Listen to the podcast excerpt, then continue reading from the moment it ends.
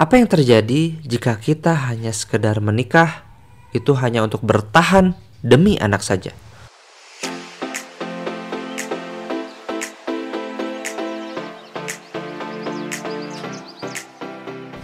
Assalamualaikum warahmatullahi wabarakatuh. Sobat JDA sekalian Apa kabar Anda hari ini? Yang mungkin Anda hari ini lagi ngedenger Sambil di jalan Atau mungkin sambil menemani aktivitas Anda di rumah Mungkin sambil gosok gigi Sambil nyetrika Atau sambil Ya sambil santai di dalam rumah Atau sambil apa pun itu Sobat JDA sekalian Saya doakan semoga kebaikan senantiasa berlimpah dalam kehidupan rumah tangga kita.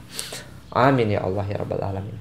Nah, sobat JDA sekalian, ini kebetulan ada beberapa orang yang nanya masuk ke DM itu nanyanya kurang lebih seperti ini. Kang, saya itu sebetulnya udah capek sama pasangan saya.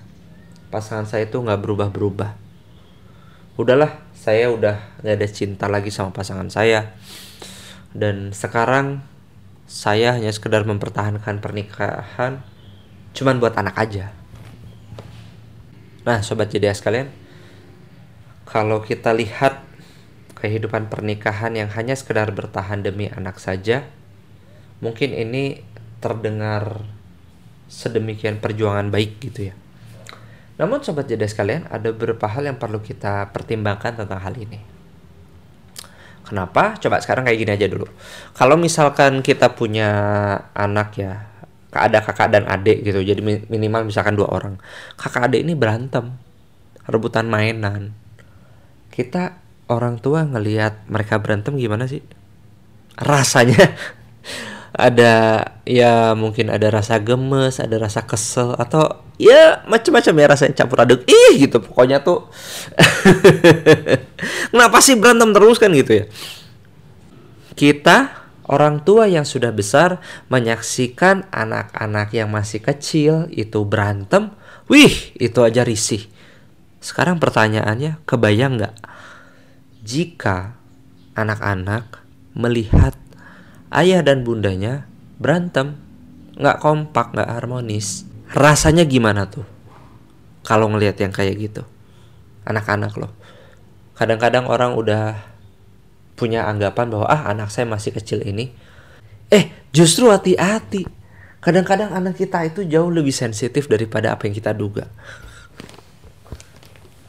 Betapa cukup banyak loh ternyata.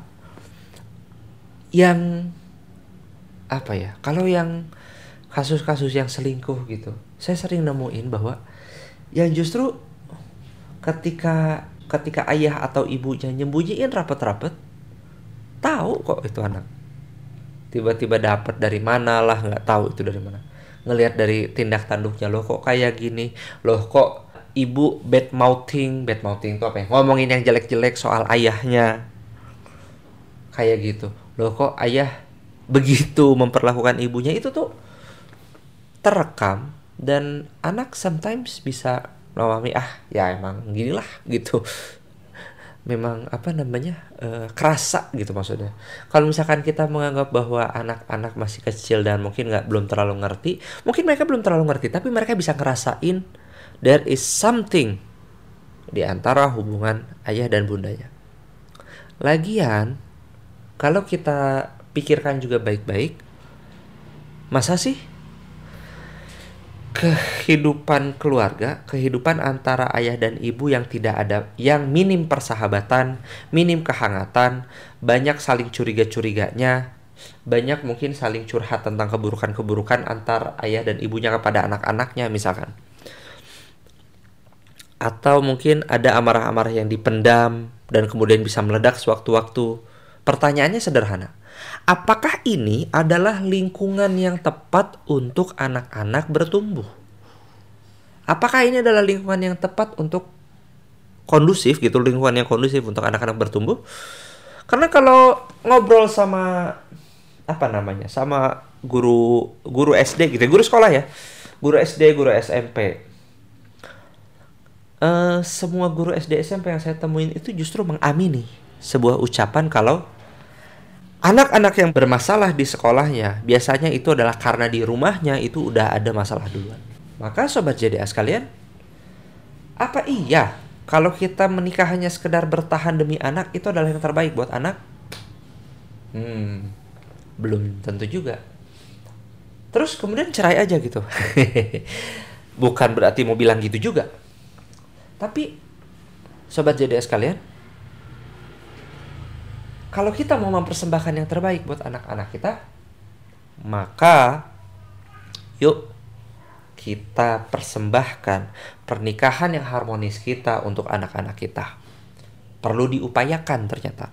Keharmonisan sama pasangan, keakraban sama pasangan, itu adalah sesuatu yang memang perlu diperjuangkan. Ustadz Salim pernah bilang, kalau gini, sobat JDS kalian, banyak rumah tangga itu retak-retak bukan karena kurangnya cinta, tapi karena kurangnya ilmu merawat cinta.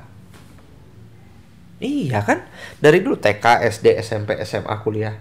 Pernah nggak sih kita belajar bagaimana caranya merawat cinta dalam pernikahan?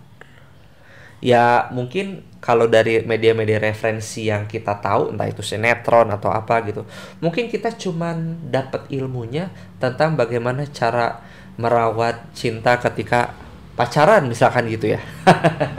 You give surprise or apa sih? Ya gombal-gombalin tiap hari. Ya atau ini ya katanya zaman sekarang uh, apa namanya anak-anak yang lagi pacaran katanya waan mamah mamah lagi apa? Papa kangen. Aduh ya Allah pakai panggilannya papa mama. Ada yang kayak gitu. Jadi tapi referensi tentang bagaimana cara kita menjaga dan merawat pernikahan kita tentu kayaknya minim deh ya. Karena minim boleh jadi kita blank ketika kita menikmati yang suatu adegan dalam rumah tangga yang namanya perbedaan pendapat Mungkin karena kita belum terbiasa, mungkin karena kita belum tahu. Jadi kita menganggap bahwa perbedaan pendapat itu tanda bahwa dia tidak sayang sama kita. Wah, ini kan loncatan makna yang luar biasa jauh gitu. Jadi kadang-kadang sobat jadi sekalian, kalau misalkan kita ngerasain kenapa kok pernikahan kita dirasa belum harmonis, coba cek yang paling pertama adalah saya udah cukup belum pengetahuan dan skill saya untuk menjalani pernikahan, untuk menyikapi setiap episode-episode dalam pernikahan. Karena kalau misalkan belum, ya boleh jadi ini penyebabnya. Penyebabnya kenapa pernikahan kita belum harmonis, setiap ada perbedaan pendapat disikapi dengan emosi yang besar, emosi yang tinggi, intonasi yang meledak-ledak. Mungkin karena kita belum punya skillsnya Mungkin karena kita belum punya kompetensinya, ilmunya belum ada. Maka kalau kita betul-betul mau mempersembahkan yang terbaik buat anak-anak kita, berikanlah, persembahkanlah pernikahan yang harmonis untuk anak-anak kita. Pernikahan yang harmonis di mana di situ tumbuh kehangatan, di mana di situ muncul persahabatan. Di sini adalah lingkungan yang kondusif bagi anak-anak kita. Insya Allah.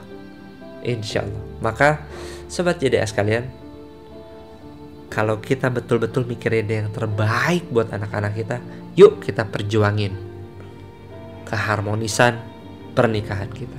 Yuk kita munculkan nuansa dan aura-aura cinta tersebut di dalam rumah tangga kita.